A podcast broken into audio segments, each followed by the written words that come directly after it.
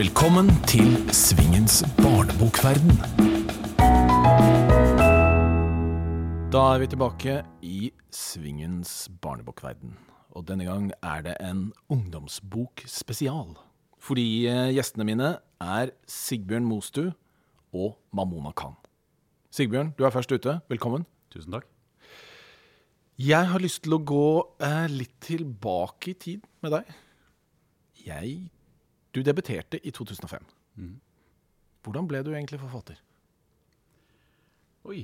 Eh, jo, det hadde seg jo slik at jeg eh, Altså, jeg hadde vel gått med en liten drøm eh, om å skrive noe i eh, ganske lang tid, egentlig. Eh, I hvert fall fra jeg var eh, ung student og skulle skrive boka med stor B. Eh, men så husker jeg jeg hadde en, eh, jeg hadde en studiekamerat som jeg eh, fortalte dette til. da, At å, jeg har lyst til å skrive, bli forfatter, ikke sant? skrive boka. Og så så han på meg, og så rynka han på nesa, og så sa han at eh, ah, det skrives altfor mange bøker, vet du. Man bør ikke skrive en bok med mindre man har noe å si, sa han. Og så tenkte jeg at hm, det har han jaggu meg rett i. og da var jo neste spørsmål da, hadde jeg noe å si? Og eh, i hvert fall som ikke var eh, sagt før. da. Og da var egentlig svaret på det nei. Det hadde jeg vel kanskje egentlig ikke. Eh, så jeg la egentlig alle forfatterdrømmer på, på hylla. og så gikk det ganske mange år. Men ja, kortver kortversjonen er iallfall at jeg Det var egentlig to ting som skjedde. Det ene var at jeg, at jeg leste 'Ringenes herre'. Og jeg hadde vel egentlig alltid hatt en sånn forestilling om at eh, forfatterne de satt på et slags sett med nærmest sånne hemmelige regler. Ikke sant? For hvordan en bok skulle være. og Jeg bare leste sånne anmeldelser, ikke sant? Og, og det var liksom et språkbruk som jeg ikke helt eh, følte meg eh, familiær med. da. Men da jeg leste 'Ringenes herre', så skjønte jeg at det fins ingen regler annet enn din egen fantasi. Det er den som er, eh, er, den som er konge. Det var en veldig forløsende eh, innsikt, egentlig. Og så leste jeg samtidig en eh, faktabok eh, om eh, skikkelser og vesener fra norsk eh, folketro. Og da skjønte jeg at der, der er det noe ugjort. For jeg lurte på da, hvorfor i all verden er det ingen som har skrevet en skikkelig spennende bok med nettopp skikkelser fra folketroa vår eh, for barn og unge. Ja, for det er et lite sånn veiskille det egentlig i norsk litteratur når du kom med 'Gravbøygen'. Ja, det Fordi er, etter det er det jo en del som har nettopp tatt fatt i norsk folklore. ja, Og du var først, du. jeg var fus, rett og slett. Ja. Så da, da, da, da skjønte jeg at her, her, ligger, eh, her ligger det noe. Og så begynte jeg da å skrive på den boka. Og eh, etter hvert så ble det da, så ble det da utgivelse, og dermed så var jeg i gang. Det kan vi kalle det uh, Gravbøygen-trilogien?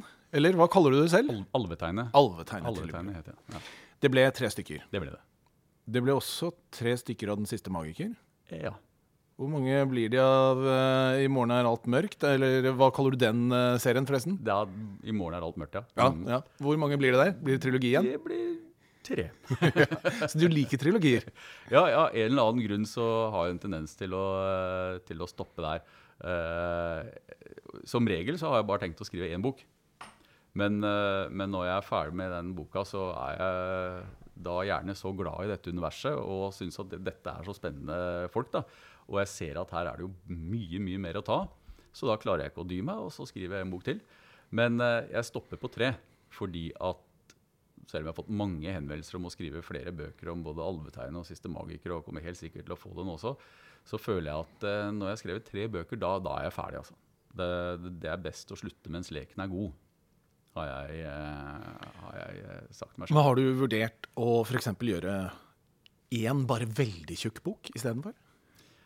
Uh, ja Nei, jeg har vurdert å skrive veldig tjukt. Nei, jeg har ikke det, altså. Uh, det er nå bare blitt som det er blitt. Ja, Men tilbake til starten. Jeg mener å huske at du jobbet i bokklubbene. ja det stemmer.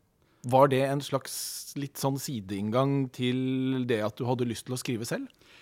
Ja, altså jeg var jo veldig glad i litteratur og veldig glad i bøker. Og var jo overlykkelig da jeg kom inn i det systemet der eh, og fikk jobbe med bøker. Men eh, jeg begynte jo ikke å jobbe der fordi at jeg hadde lyst til å bli forfatter. Det var mer en sånn ja, veldig eh, flott sted å jobbe når du var glad i, i litteratur. da. Eh, så forfatterdrømmen, den, eh, den kom som jeg nevnte innledningsvis her, da, gradvis etter å ha jobba der en, en, god del år. Og hvor gradvis skjedde det at du gikk vekk derfra? At du rett og slett slutta for å bli fulltidsforfatter? Ja, jeg ga vel ut uh, tre bøker, de tre alvetegnebøkene. Og så gikk det, så gikk det såpass uh, bra, egentlig, da. Uh, samtidig som jeg så at det var nesten ikke gjennomførbart å, å, skulle skrive de bøkene som jeg hadde lyst til å skrive, og samtidig fortsette å jobbe som redaktør i Bokklubben. Så jeg måtte rett og slett foreta et valg. Uh, og etter å ha tenkt meg litt om, så uh, var egentlig det valget veldig enkelt. For jeg har jo vært ute av skal vi si, det normale arbeidslivet siden 1997. Ja. Så jeg tenker jo at eh, meg som attraktiv arbeidskraft i, i, det arbeidslivet der sånn, er omtrent null. Det er kanskje på minustallet. Ja. tenker du litt sånn at nå har du på en måte brent de broene til å få en fast, vanlig jobb? Ja, ja jeg gjør det. Ja. av og til så tenker jeg at at uh, det er ting jeg kunne hatt lyst til å gjøre. F.eks. Uh, vært lærer tror jeg hadde vært uh, morsomt. Men uh, igjen, altså jeg, jeg, tror det er uforenlig med det å, å skrive bøker, iallfall i det tempoet som jeg har lyst til å skrive. da. For lærer har du ikke jobba sånn? Nei, ikke fast. nei. Jeg har vært uh, mye lærervikar og har hatt noe sånne, ja, vært klasseforstander for uh, Og så har du vært mye på skolebesøk, kanskje? Veldig mye. Veldig mye på skolebesøk. Så jeg liker det å stå og snakke til, til barn og ungdom. Altså. Jeg syns det er veldig, veldig gøy. Mm. Hvis vi konsentrerer oss litt om uh, Alvetegn-trilogien ja. Um, jeg mener å huske at det ble solgt noen filmrettigheter der. Uh, ja. Er de, er de opsjonen utløpt nå? Uh, opsjonen eh, er utløpt for det filmselskapet, men uh, uten at jeg kan røpe for mye, så er det ting i gjerdet på nytt igjen der, da. Så, for, for, dette tror jeg mange barne- og ungdomsbokforfattere opplever, at ja. det blir kjøpt opp opsjoner på bøkene deres. Ja. Og man har jo en liten forhåpning om at det kanskje skal skje et eller annet. Og så skjer det ingenting. Nei. Absolutt ingenting. Man hører nesten ingenting. Nei. Uh, og når det gjelder disse bøkene her, så var det jo veldig stor ståhei, da det, var, eh, det, det, her skulle bli liksom norgeshistoriens dyreste produksjon, og det skulle komme inn utenlandske interessenter, og det var liksom ikke måte på. Og så plutselig så ble det bare helt stille. Men det har jeg da, som du sier, skjønt at slik er eh, filmbransjen. Så det er bare å innfinne seg med det. Men du har ikke gitt opp håpet helt, skjønner jeg, siden det fortsatt skjer ting ja, som du uh, ikke kan snakke om. Det er veldig typisk for filmrettigheter. Du, dette, det skjer ting der, men jeg kan ikke snakke om det. Ja. Mm. Så, og, og, det fine med å ikke snakke om det, er jo når det faktisk da til slutt eventuelt ikke skjer noen ting, så har du ikke snakket om det heller. Nettopp. ja, men det blir, det blir, opsjon der eh, nå, eh, ja, igjen. Hva med en uh, dystopifilm i Norge? Tror du det helt tatt har vært mulig å lage det? det? Der har jeg også skrevet under opsjonen. Så ja, der er det virkelig er... spennende ting jeg gjør. Altså. Ja. Uh, men igjen så eh, Er det noen av bøkene dine som er ledige for ja, opsjoner? Eh, mm, ikke barne- og ungdomsbøkene mine, nei. Nei, se det. Så da får vi håpe det blir noe av noe av det, i hvert fall. Ja. Jeg kan jo avsløre at jeg har sikkert solgt uh, 10-12-13 opsjoner, og det har blitt noe av et par. Jo, jo. Så blitt, uh, ja, blir, blir noe. Det gjør det gjerne det. Um, men hvis vi snakker litt om dystopisjangeren, da. Det er jo en veldig populær sjanger internasjonalt. Mm. Der finnes det jo masse filmer og masse bøker. Hva var grunnen til at du ville skrive en uh, dystopi? Det hadde jeg egentlig hatt lyst til å gjøre lenge. Uh, jeg har vel egentlig alltid vært litt fascinert av uh, dystopier og sånne katastrofefilmer, f.eks. Syns er, jeg syns det er morsomt, jeg. Ja, fascinerende. Liksom, den tanken på at alt det Alle disse rammene som, som, ligger rundt oss i hverdagen, at de er borte. Og at vi på en måte må, må klare oss selv. da. Det syns jeg er eh, Med blanke ark. Det syns jeg er et fascinerende, fascinerende utgangspunkt for en, for en fortelling. Og så begynte jeg faktisk å skrive på en dystopi for flere år siden. eh, om en eh, kvinne og, en, og barnet hennes da, som gikk gjennom et, eh, et skoglandskap som var helt brent ned. Jeg hadde liksom helt klart for meg hva, hvordan denne boka skal, skulle bli. Og så leste jeg uh, 'The Road' av Cormac McCarthy og skjønte at den boka dessverre var skrevet uh, allerede. uh, så da la jeg den på hylla. Men jeg hadde fortsatt ikke gitt opp tanken om å skrive en, en dystopi. Og jeg satt da en kveld hjemme og leste i et nummer av Illustrert vitenskap, som handla nettopp om eh, da denne parasitten eh, toxoplasma gondii, som spiller en viktig rolle i, eh, i, i disse bøkene mine. Da. Og dermed så bare skjønte jeg bang, liksom. Sånn, der har vi historien. Nå, nå skjer det. Nå skal jeg skrive en, en rå dystopi. Jeg har veldig mye illustrert vitenskap liggende på hytta, for faren min drev og samla på det. Ja. Så du mener det ligger historier der, ja? Ja, ja, ja. Massevis.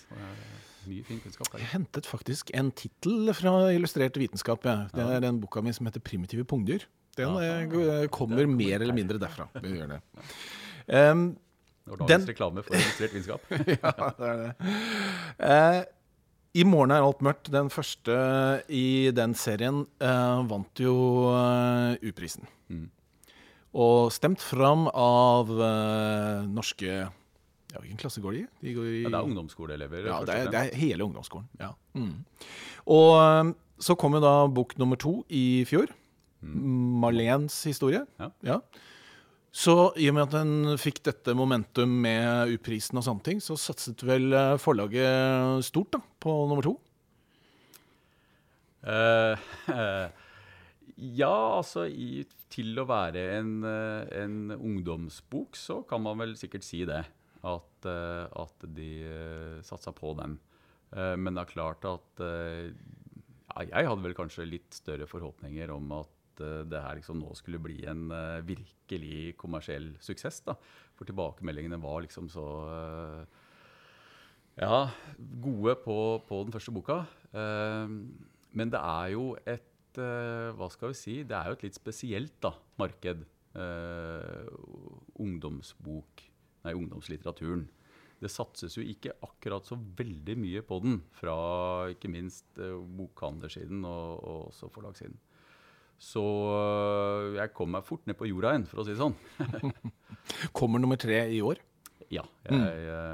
jeg sitter nå og sprengjobber med så den kommer i høst. Ja. Mm. Og tittelen er jeg, den blir nok ganske sikkert eh, 'I morgen er alt mørkt', og så da med undertittel eh, 'Når eh, historien slutter'. Men ungdomsbøkene er litt usynlige, ja. Det er det ikke noe tvil om. Eh, Jeg tenker jo at disse bøkene kunne vært av stor interesse for folk som ikke lenger er ungdom. Ja. Har du hatt noen særlige lesere som uh, kan rekke opp hånda og si at uh, nei, jeg er ikke ungdom lenger? Ja. Eller bare i hodet, eventuelt. ja. Mm. Veldig mange. Så uh, jeg tror at den kunne hatt et bredere nedslagsfelt, for så vidt. da. Hvis den ikke hadde hett ungdomsbok, muligens. Ja, det kan nok hende. Jeg, jeg ser jo med meg selv at jeg leser jo lite, lite ungdomsbøker. Eh, Ja, Hvis det heter ungdomsbok. Men Ja. hvis det handler om ungdomstid og har kommet ut som voksenbok, så blir det kanskje lettere å plukke den opp. blir det kanskje lettere. Ja. Mm. Jeg har fått et gjestespørsmål uh, til deg. Oh, hei sann. Og det kommer fra han som uh, slo deg i år på U-prisen. Du var oh, ja. jo uh, en av finalistene i, i år også, med bok nummer to. Men det var eh, Jan Tore Noreng med Alfaen som eh, vant. Og han har et spørsmål til deg. Hva er det beste rådet du noensinne har fått?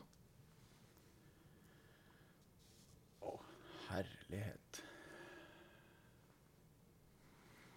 Det beste rådet jeg noensinne har fått. Jeg tenkte meg at uh, spørsmålet fra Jan Tore kom til å være litt vanskelig. Ja, for det er jo liksom eh, Det er jo nesten like vanskelig å svare på som hva er den beste boka du har lest, og, og holdt på å si eh, det her. Men hva hvis vi tar det eh, litt eh, ned til denne sammenhengen? Hva er det beste forfatterrådet du har fått? For det Nei. får man jo iblant, eller enten man leser om det eller får av andre forfattere. Ja, eh, da tror jeg faktisk at eh, at det beste rådet jeg har fått, og det var fra, for, det var fra flere, det var å våge å slutte som redaktør i bokklubben og, og bli heltidsforfatter. Men var det noen som råda deg til det? Ja. Eller, ja. Ja, det var Andre det- forfattere? Andre forfattere, Ja. Hvordan var det hjemme hos deg? Og sånn, eh, kone og ungene og sånn, sa de at oi, nå kommer det til å bli mye grøt. Uh, nei, men altså Den gangen så s- Den gangen så var eh, holdt på å si barne- og ungdomslitteraturen solgte ganske bra. Det her var jo liksom i kjølvannet av Harry Potter-suksessen og 'Ringenes herrer' òg. Så da var eh, barne- og ungdomsbøker høyt framme hos bokhandlerne. Eh, så så det at nei, det går like greit å liksom skulle være forfatter som å ha fast jobb. Ehm, og jeg fikk også, jeg rådførte meg med bl.a. Uh, Forfattersentrum. ikke sant? Og liksom, tror dere at jeg vil få nok oppdrag til at hvis bøkene mine skal ja, gå nedover, at jeg har liksom likevel nok eh, skoleoppdrag å, å kunne leve av? Da? Og det sa han ja, det er jeg helt sikker på. Så ehm, Så du reiser fortsatt mye ut og, på skoler i eh, land og strand og oh, ja. små og store steder og farlige veier og leiebil og glatt og underfryst regn og been there, done that. Det begynner å bli veldig få hvite flekker på norgeskartet, for å si det sånn. Ja, jeg har eh, to, tror jeg. Det har to, Ja. to hvite flekker, ja. Men tilbake til ungdomsboka. Ja. Hva, eh, vil du, skal, du har jo hatt litt foredrag og sånne ting i det siste om akkurat ungdomsboka. Hva skal til for å gjøre ungdomsboka synlig igjen? Og det er et, eh, det er et veldig godt spørsmål. Eh, Og jeg har nok ikke svaret på, på det. Altså, jeg har ikke jobbet i bokhandel, f.eks. Så eh, jeg kan jo ikke de, de triksene som de antageligvis kan. Da. Men, men jeg det, er, det, det som jeg er litt opptatt av, det er at jeg tror det har sneket seg inn en, eh, en forestilling hos mange i bokbransjen om at ungdommen ikke leser. Og det er jeg ganske sikker på er feil. Eh, I hvert fall når du snakker med både lærere og ikke minst bibliotekarer rundt omkring. Her er det jo veldig store forskjeller selvfølgelig fra sted til sted og fra skole til skole og til og med fra klasse til klasse. Men at veldig mange ungdommer leser bøker, det, det er eh, hevet over enhver tvil. Eh, mange går på bibliotekene, og mye av grunnen til det er jo at bibliotekarene er veldig flinke til å, å reise rundt på skolene og snakke varmt eh, om bøker. Eh, de har, arrangerer festivaler og eh, det ene og det andre, og inviterer oss forfattere osv. Uh, og da er det veien veldig kort for ungdommen å tasse bort til hylla og plukke med seg en eller flere bøker. Eh, så utlånsstatistikken sier at eh, ungdom de, de leser. Men å få overført dette til bokhandelen er kanskje vanskeligere. Tror du det har noe med at bøker er jo forholdsvis dyrt? Altså en ny bok, 250-300 kroner. Og det er klart, eh, du har mye å bruke penger på når du er uh, ungdom. Og i tillegg til det, så er det jo veldig få, det gjelder jo stort sett ikke dine, men uh, ganske få ungdomsbøker som kommer i paperback etter hvert og blir billigere. Ja, eh, men når det gjelder bokpris, så jeg og eh, redaktøren min og jeg vi sjekka faktisk eh, prisen på den første boka mi, 'Alvetegnet', som kom ut i 2005. Og det var akkurat den samme prisen den ble solgt ut som eh, min siste bok, 'Marlenes historie'. Så bokprisen har altså stått på stedet hvil eh, i eh, over ti år.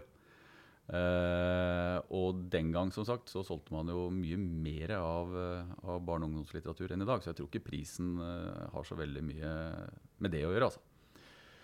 Jeg tror nok det heller det er en sånn selvoppfyllende profeti. At man, at man har nettopp den forestillingen om at nei, ungdomsbøker det, det selger ikke. og Derfor er det heller ikke noe vits i å satse på den. Og når man ikke satser på det, så selger man heller ikke. Men hva, gjør det, hva er grunnen til at ungdomsboka har litt dårlig rykte? Jeg vet ikke. Uh, Det er jo noen som snakker om at det har vært mye død, mye kreft, mye familieproblemer. Ja, å være ung er det ikke, jævlig, liksom. Det, Ja. ja. det kan vel hende. nå er det ikke det du holder på med. da. Selv om det er mye død, er så, er det mye kanskje, så er det mer kanskje en litt annen variant. Ja. Uh, Nei, jeg tror nok kanskje mange, iallfall i min generasjon, uh, sitter med et litt sånn uh, traume, egentlig, fra, fra ens egen, egen oppvekst, hvor, hvor, var, hvor ungdomsboka skulle være veldig hva skal jeg si da, veldig seriøs, kanskje. Og litt sånn eh, ja, mye sosialrealisme og ja, nettopp det her eh, å være ung er for jævlig-syndromet, da. Uh, I dag så er ungdomsboksjangeren mye rikere. Det er uh, Og det fortjener den også å være. Altså, det bør jo være minst like, en like rik sjanger som, som for voksne. Og det, det er den.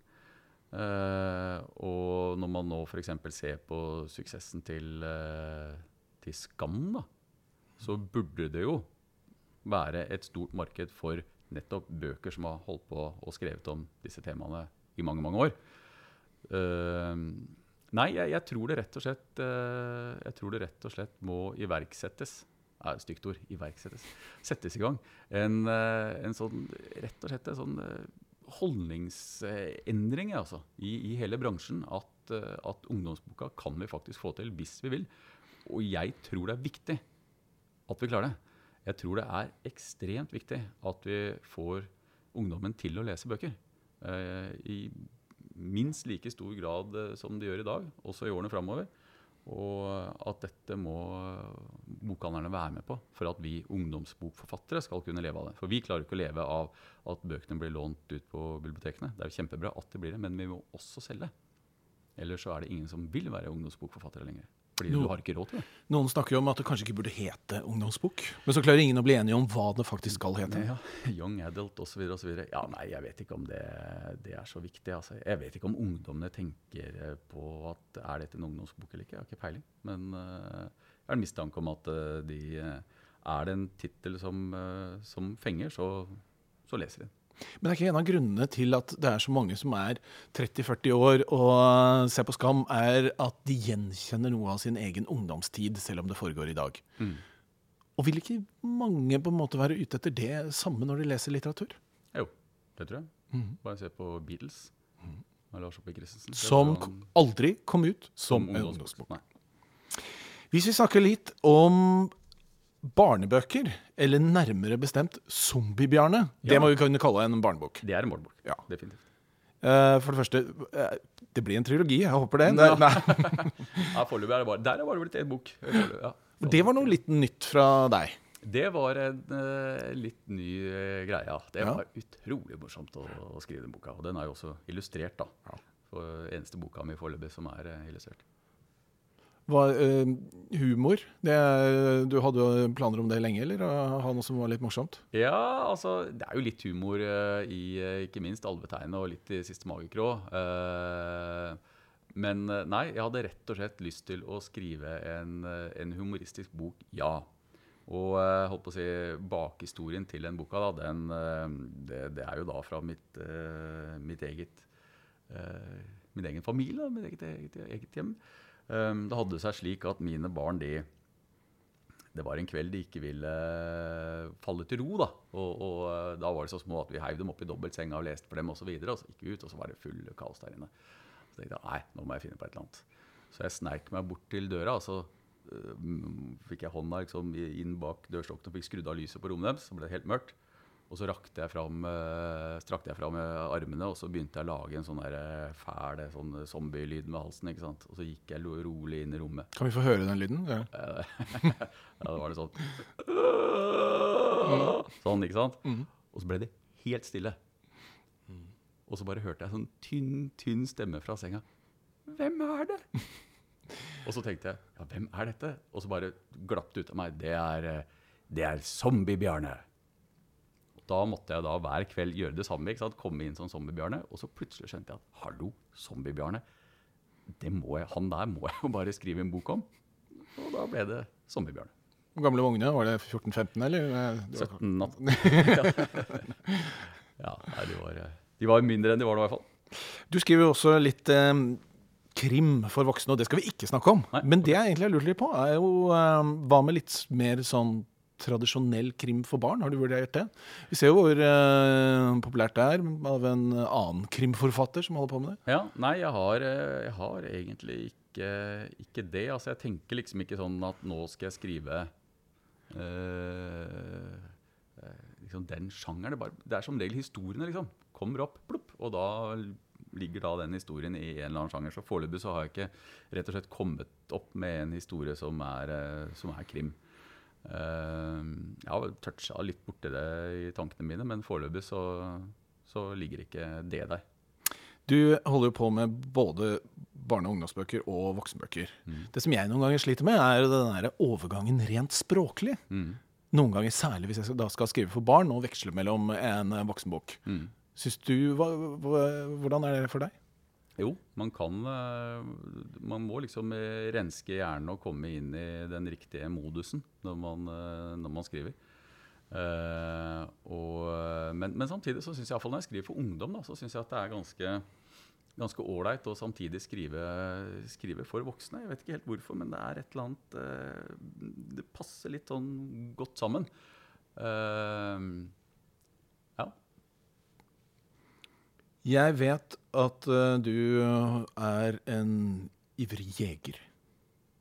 ja Eller- litt, ja. ja. Du jakter litt. Fisker kanskje mer enn jeg jakter, men uh. Men uansett, ute i skogen. Mm. Og er det litt sånn uh, Og litt stillhet, og du går, du fisker. Er det også en måte å på en måte, rense hjernen på og få nye ideer? Og bruker du på en måte lar tankene løpe i eh, sånne sammenhenger? For det er jo ofte sånn at når jeg kjeder meg litt, da dukker jo de nye eh, ideene opp. Ja. Hytta er f.eks. veldig fin. Ja.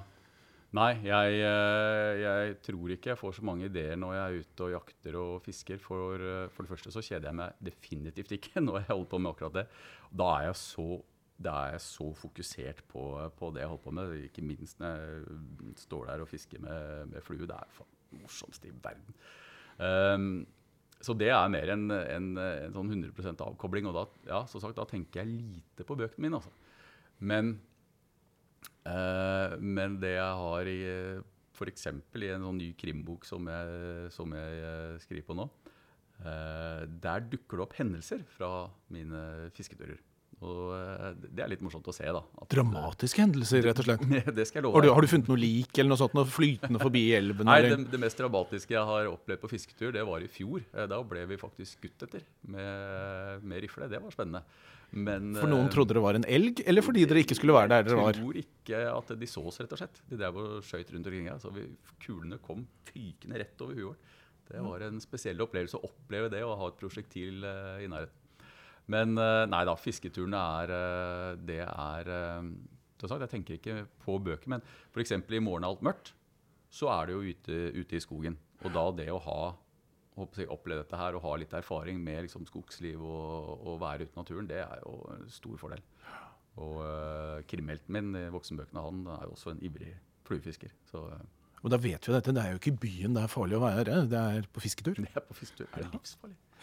Um, du har gjort deg noen tanker om det med tempoet i uh, historier og sånne ting. Og jeg har utfordra deg litt på en uh, anekdote. Jeg vet at du har uh, noen erfaringer der som er litt opplysende. Ja, jeg har en liten historie der, ja. Det hadde seg nemlig slik at det her var jo kort tid egentlig før jeg begynte å skrive 'I morgen er alt mørkt' Brages historie. Eh, og eh, det var da min, min eldste sønn som jeg hadde stort ønske om at han skulle lese litt med bøker. Han elsker å høre på lydbok osv., men å lese sjøl, det, det er så mange andre ting som fenger. ikke sant? Men så var jeg da blitt tipsa om eh, om en veldig god ungdomsbok, eh, og jeg sa til han at les denne.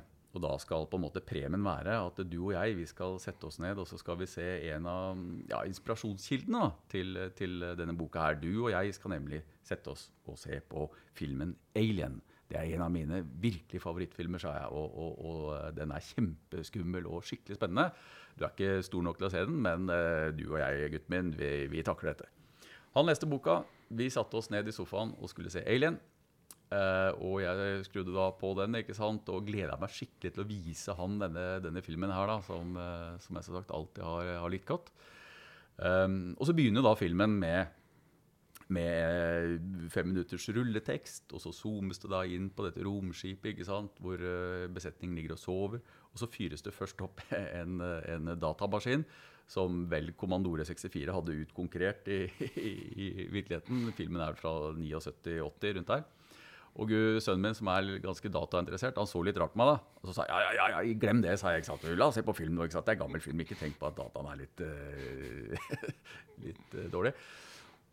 Og så begynner jo da filmen på ordentlig. og det starter jo ikke sant, med mannskapet våkner opp, setter seg og, og, skal spise mat. Og det er lange, dvelende scener hvor det ikke skjer noen ting. Og de prater og prater.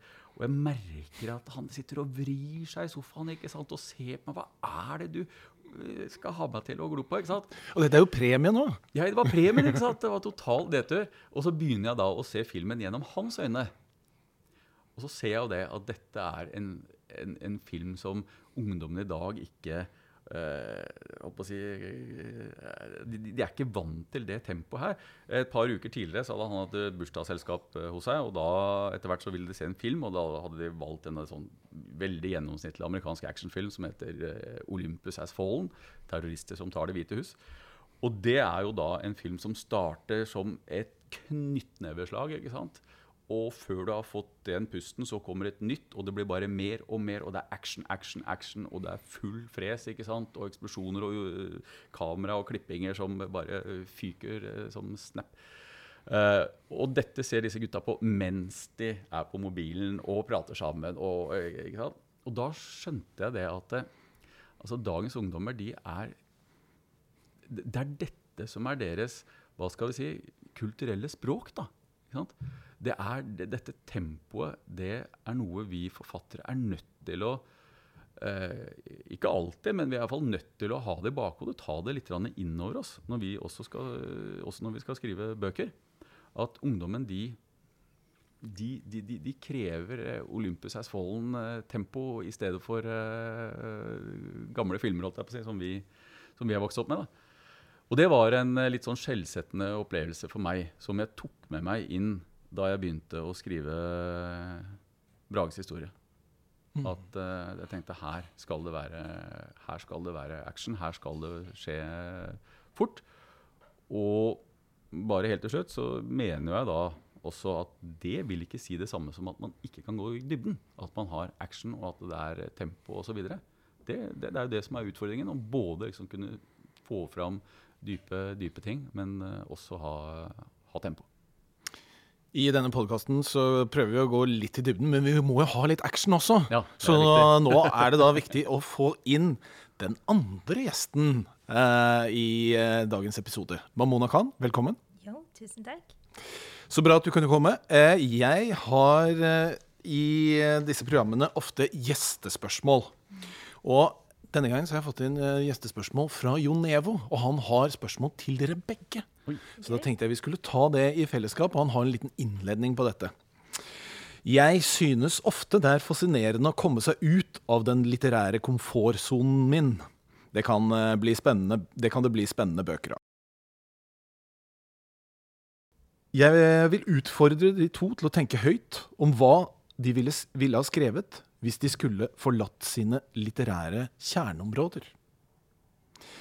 Så er det da, hvis vi begynner med deg, Mamona. Mm.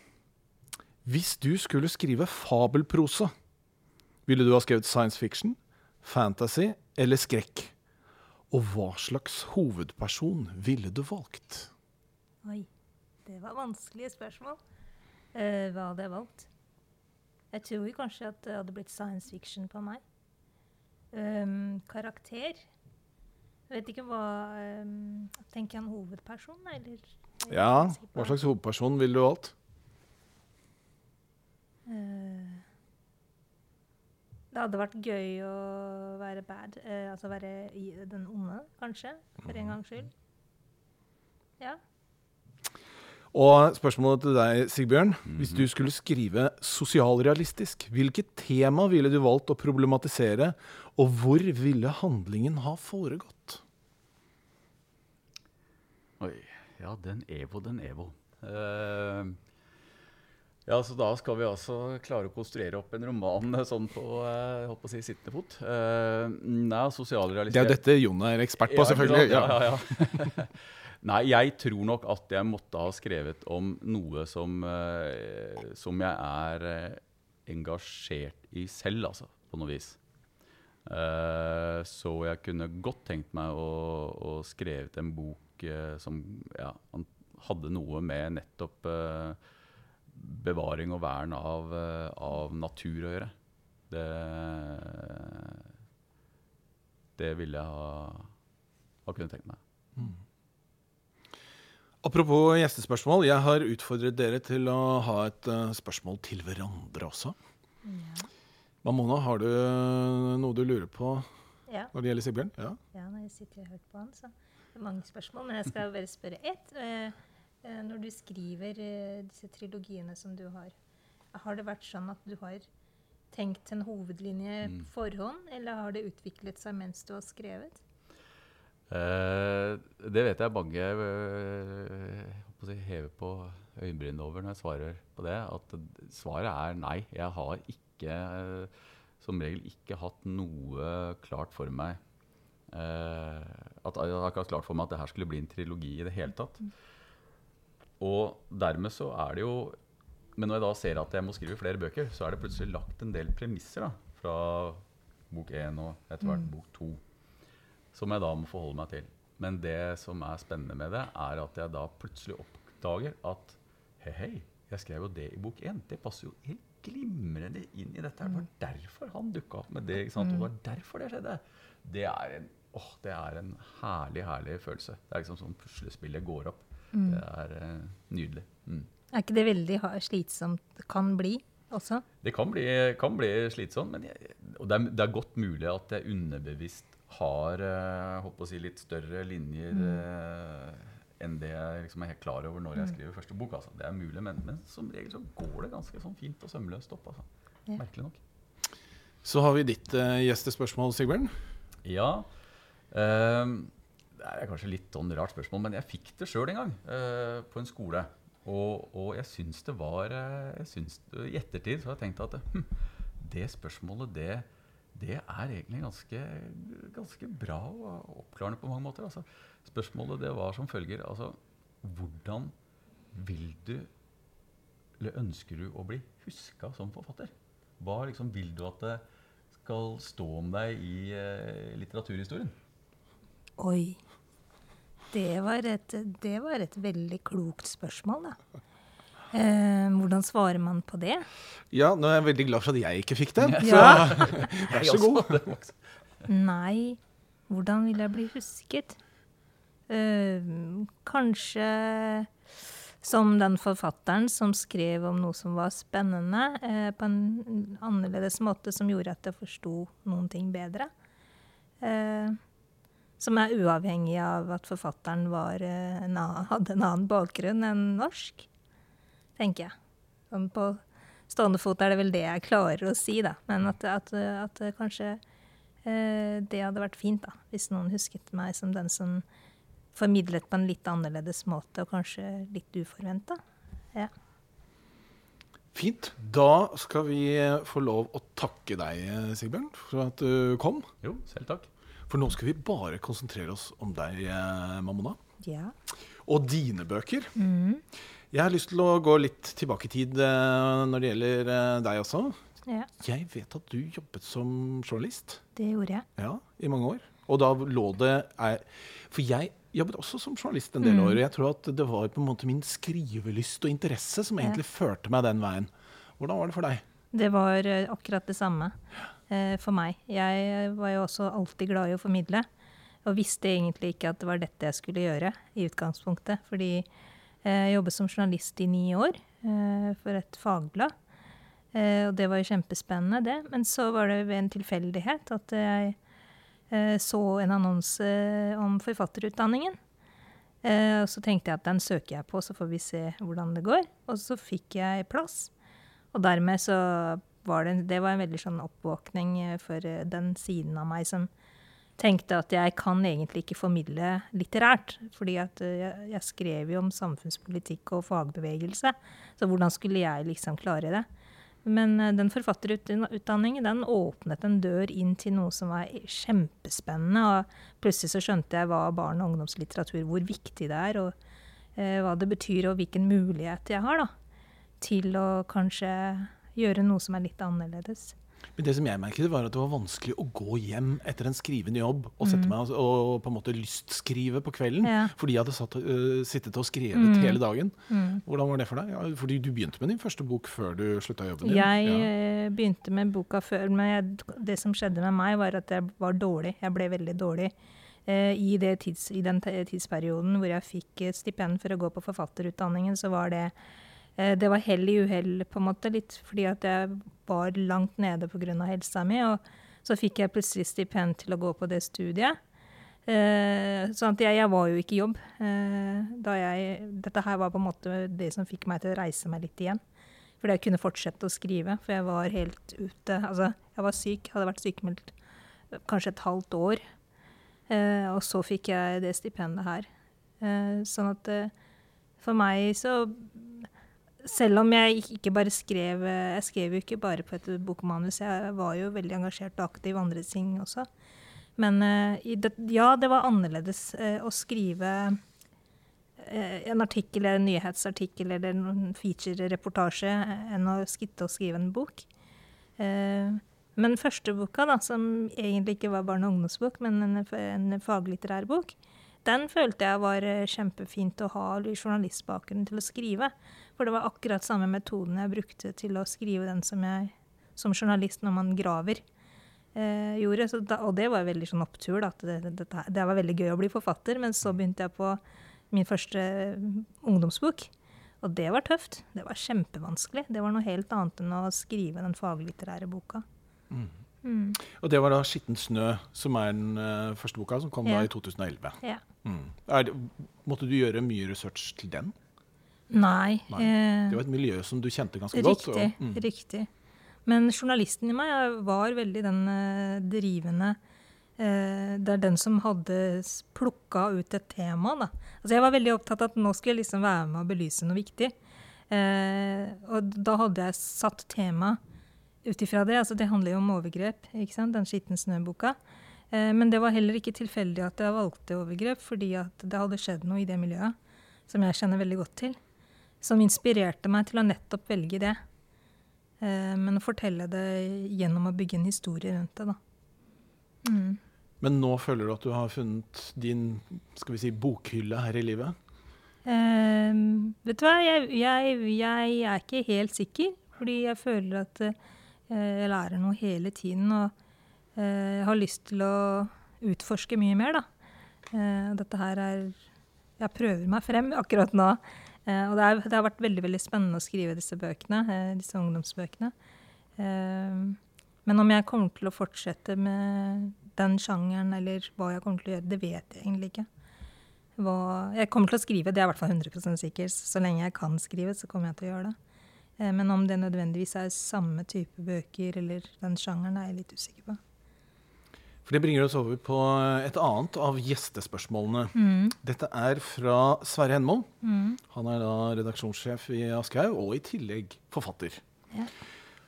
Han lurer på hva tenker du rundt din egen rolle i å skape forståelse og dialog mellom norsk-pakistansk og norsk-norsk ungdom?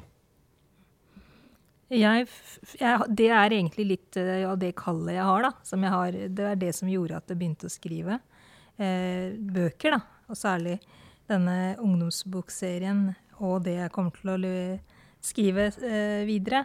Eh, jeg ønsker å gjøre det. Jeg ønsker å gi innsikt gjennom det jeg skriver. Eh, men jeg ønsker også å gjøre det på en måte som ikke Som er bare problemfokusert. Fordi jeg jeg har jo selv denne bakgrunnen. Jeg har vokst opp med kulturkonflikt og krysspress og alt det der. Og man blir på et eller annet tidspunkt veldig sliten av det. Og måtte bære på det hele tiden. Og, og, og det er temaer som eh, f.eks. æreskultur og, og tvang og alle disse tingene som vi alltid kommer til å snakke om, de kommer til å være der, for vi har et problem Det er ukultur, og det er mange ting som jeg føler at er viktig å skrive om og snakke om. Eh, men jeg har valgt eh, Min rolle i det er å berøre disse spørsmålene, nå frem, gjennom å fortelle det på en spennende måte.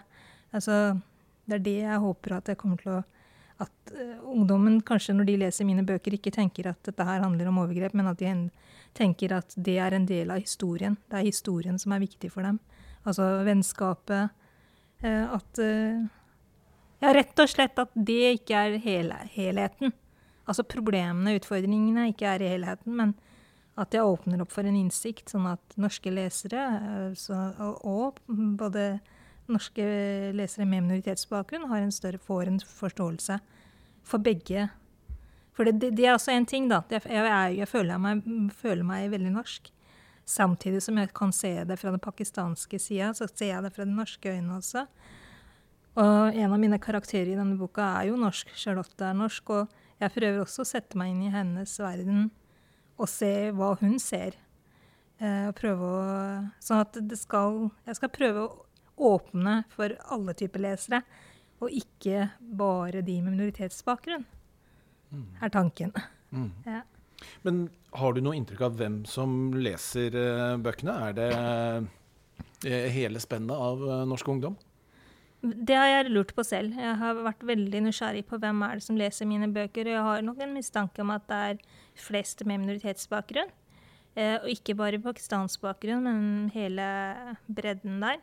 Eh, men det er også norske lesere, og, grunn, og grunnen til at jeg, jeg vet det, er jo fordi at det er elever som tar kontakt med meg. For som skriver oppgaver, som leser bøkene og sier at de har lest boka. Sånn. Så sånn sett, Men jeg skulle gjerne hatt en statistikk over hvem som leser bøkene mine. Eh, men jeg tror, tror, det er kanskje begge deler. Men at det kunne blitt enda At det kunne vært et større eh, At flere kunne ha lest dem. Eh, hvis de hadde skjønt at dette her er en ungdomsbok, og ikke en ungdomsbok for minoritetsungdom. altså, skjønner du hva jeg mener? Dette er ikke en, begrens, en, bok som bare er begrenset til det temaet for de som skjønner det. Men det er, kan være en bok som andre også kan skjønne noe av. Mitt inntrykk eh, etter å ha vært på mye ungdomsskoler, er kanskje at bøkene dine er litt mer lest i byer mm. enn eh, på mindre steder. Ja, helt riktig. Mm. Mm. Det vi snakker om når det er de skjønnlitterære bøkene, er jo da den nevnte 'Skitten snø', som kom i 2011. Mm. Og så er det 'Fra Oslo til Lahore' fra 2013. Mm. Og 'Når du minst venter det', som kom i 2015. Dette er en trilogi. Uh, det er meningen det skal bli fire, da. Det skal bli fire, Vi får se. Ja, så, ja, okay. så jeg, jeg, jeg, har dessverre sagt uh, Jeg har sagt til leserne at uh, alle jentene skulle få hver sin bok, og det er fire ah. jenter. Så nå sitter jeg godt i det.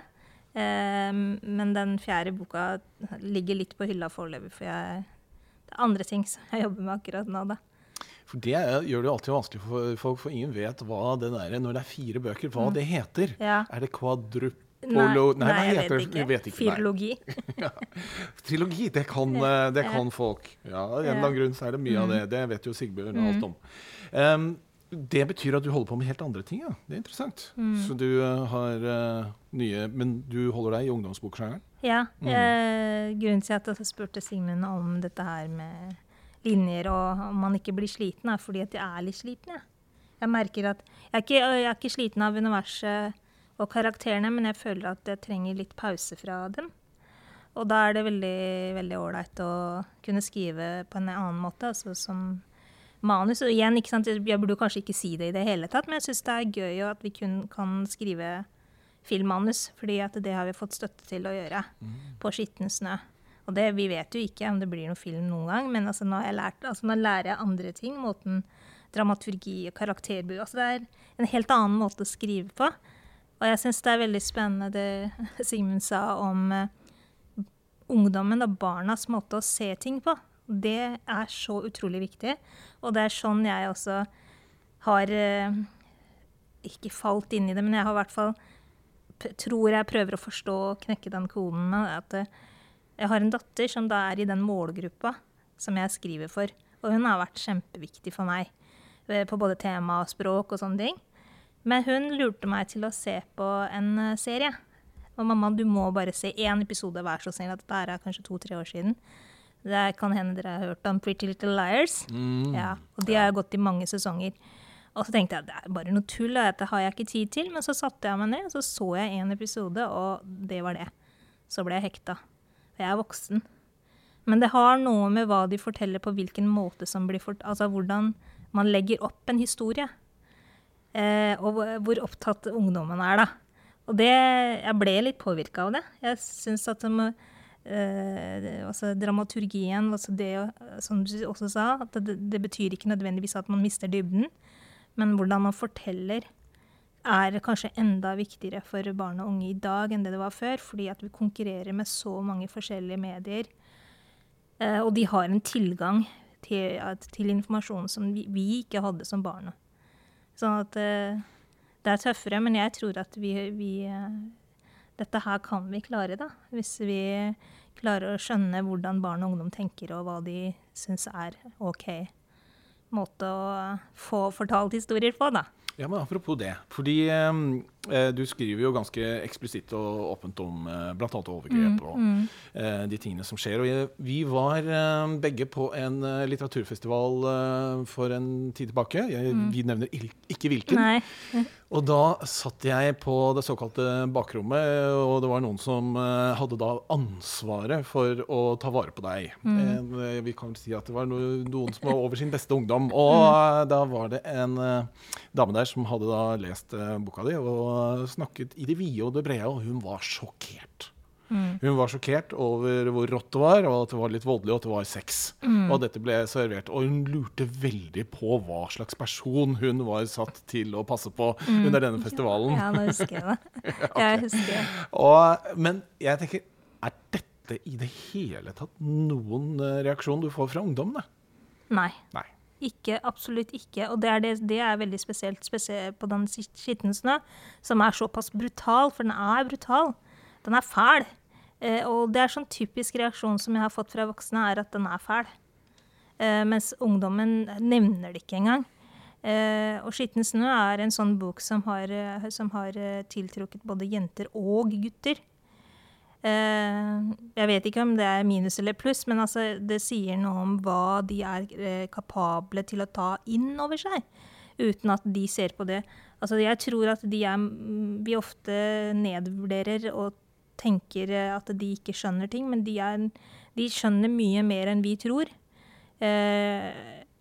Sånn at det er helt for, forskjellige oppfatninger av hva de leser mange, Det er mange bøker som er ganske, kan være groteske, sterke, vanskelige, men som, som de får noe ut av. Da. Så jeg vet ikke om skjerming eh, sånn sett er noe Ja, jeg vet ikke.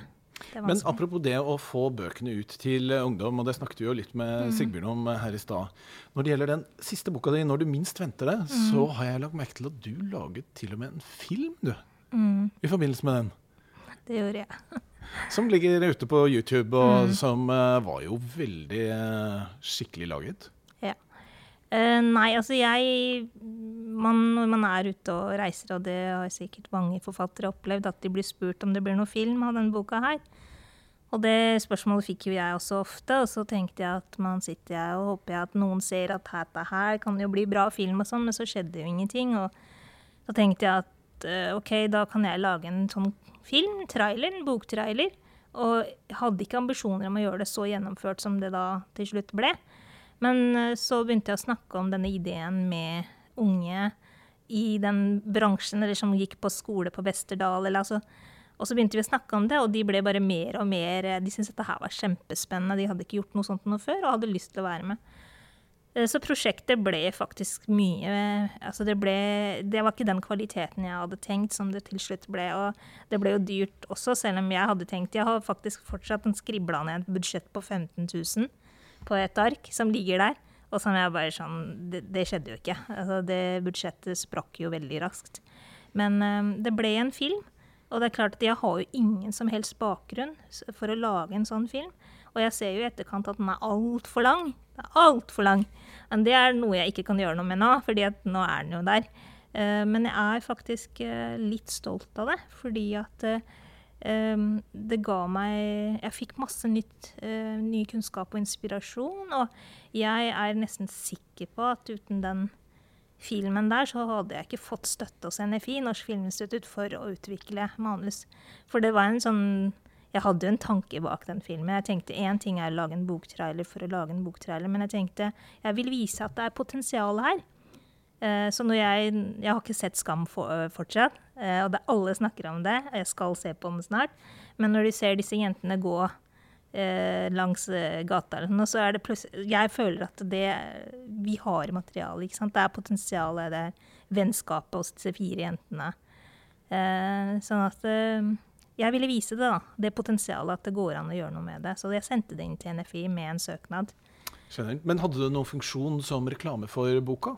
Har, ja, ja, absolutt. Det hadde den. Vi la den ut på Facebook-gruppa. Den boka har, eller bøkene har en Facebook-gruppe som jeg la den inn i. Så, og YouTube har, har, den ikke så mange visninger på, men på Facebook Jeg, jeg fikk bare råd om av en av disse unge som da filma, at legg den ut på Facebook, for der spres den mye lettere. Så den har jo um, Det er de du må høre på? Ja, ja du må høre på de unge. Uh, så det, det, har blitt veldig mange visninger på den, uten at jeg har blitt rik på det. Altså, Boka har ikke solgt noe særlig mye mer enn det den ellers ville ha gjort. Men uh, igjen uh, skal man se på hvordan skal man måle dette, liksom. Men samtidig, eh, da boka di kom ut, så mm. leste jeg til og med om den i nyhetene. Riktig. Hvordan fikk du til det? Nei, jeg gjorde ikke det. Jeg fikk ikke det til. Jeg vet ikke. Jeg ble jo sjokka når jeg fikk telefon fra Dagsrevyen, så jeg la jo på døra og begynte å grine fordi jeg var så sliten. Vi kan vel bare rekapitulere litt hva som skjedde. Ja, det var noen som hang opp noen Var det lapper eller klistremerker? Å ja, eh, det var noen som hang opp hvite roser. Hvite roser også med lanseringsdatoen. Mm. Da, ja, og da ringte det journalisten hjem og spurte om hva jeg hadde jeg vært med på dette. Og hadde ingen anelse. Mm. Uh, visste ikke hvem som hadde gjort det, hva som hadde skjedd. Men vi fant det ut etter hvert, da. Det var noen som ønsket å gjøre reklame ja, for boka di? Ja, de ønsket å hjelpe ja. meg med å reklamere, men de holdt på å gå helt Og så begynte media å tenke, og for så vidt skolen også, å tenke mer, mer i ja. retning skolemassakre med en gang. Ja, mm. Så det gikk jo helt uh...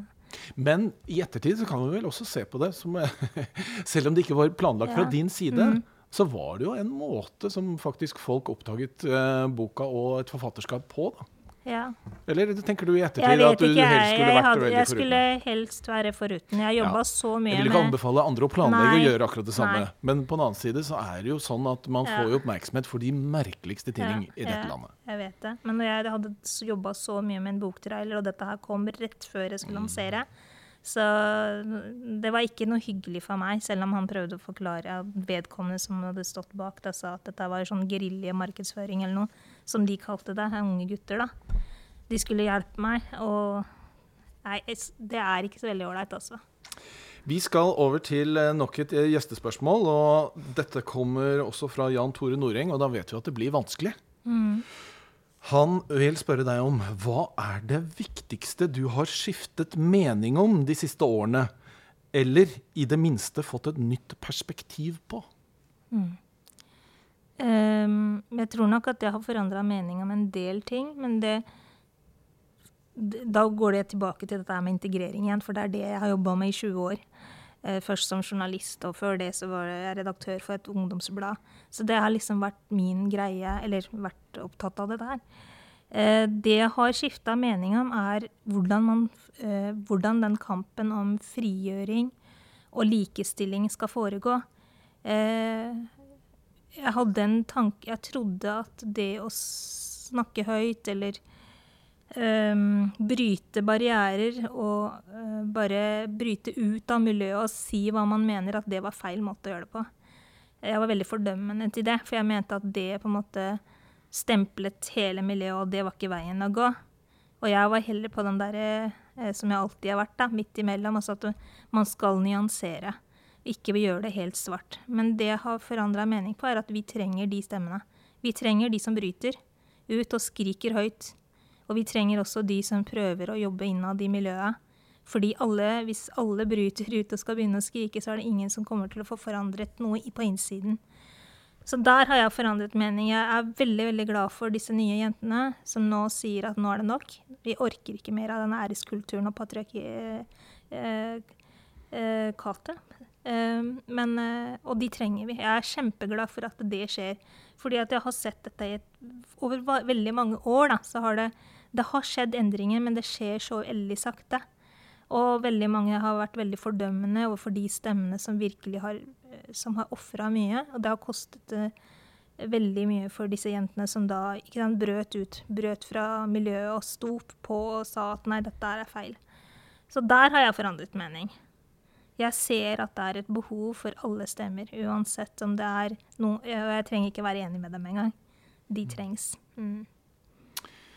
Da har jeg også utfordret deg på en liten anekdote fra ditt forfatterliv. Mm. Vi er jo historiefortellere, og ja. nå er jeg spent på hvor du Nei, jeg syns det var litt vanskelig, men jeg, jeg, tenkte på forfatterlivet. Eh, og det er litt flaut det jeg skal fortelle, og kanskje litt personlig, men jeg sier det likevel. Det høres veldig bra ut. Eh, jeg har, fått, eh, jeg har, vært så heldig at jeg har fått reist veldig mye rundt og fått fortelle om bøkene mine. Og jeg har alltid gledet meg til disse formidlingsturneene og oppdragene. Det jeg pleier å grue meg til, er overnattingen. Og det har ikke noe med hvor man bor, men at man er, sover alene på et rom. Eh, og det har, eh, det har gjort meg ekstra sliten, fordi at når jeg er på turné og ikke sover over flere dager, så det, kan det bli veldig vanskelig. Eh, og så var vi på turné, eller sånn eh, markedsføringsturné Aschehoug hadde med bok nummer to, da fra Oslo til Lahore kom. Og da var jeg så heldig jeg fikk lov til å være med fire andre forfattere. Og da skulle vi besøke Bergen, Trondheim, eh, Stavanger. Eh, hvor vi, skal, da, vi skulle lese fra bøkene våre og markedsføre litt. Og da eh, var jeg med han som er programleder i Åndenes makt. Han skulle gi ut bok den, denne, dette, i denne gruppa her, da, så han var med. Og så hadde jeg sovet dårlig på dette hotellet, som var utrolig fasjonabelt, veldig ålreit. Men jeg sov ikke en, altså jeg sov ikke i det hele tatt første natta. Og så dagen etter så sitter vi og så snakker vi, og så, og så begynner han programlederen å fortelle om ting han har opplevd under opptaket av disse ionenes makt. Og jeg kan jo tro at jeg sov resten av de dagene jeg var på turné. Jeg fikk jo ikke det. Så jeg er liksom Jeg er kjempe Jeg vet ikke hvordan jeg skal forklare det, men jeg, eh, enkelte steder klarer jeg rett og slett ikke å sove. Og det har gjort Altså, noe får man ut av det når man er litt kreativ. Jeg har brukt litt av det i bok nummer to også, faktisk, med det med hotellet. og eh, Hvem vet, kanskje det blir en idé altså, Man blir inspirert til å skrive, da. Men moralen er ikke dra på turné med han fra Åndenes makt? Ja, moralen er det at uh, hvis du er litt sånn småredd fra før av, så sitter du ikke langt på kvelden og hører på alle de historiene. Tusen takk, Mamona, for at du kom. Jo, tusen takk for at jeg fikk komme. Da er episode fire av Svingens barnebokverden eh, over. Men om en måned så er vi tilbake med to nye spennende forfattere. Eh, helt til slutt så må jeg rette en takk til Cappelen Dam for lån av studio. Jeg takker Anne Marte Mundal og Anette Lynch. Du har hørt på Svingens barnebokverden med Arne Svingen.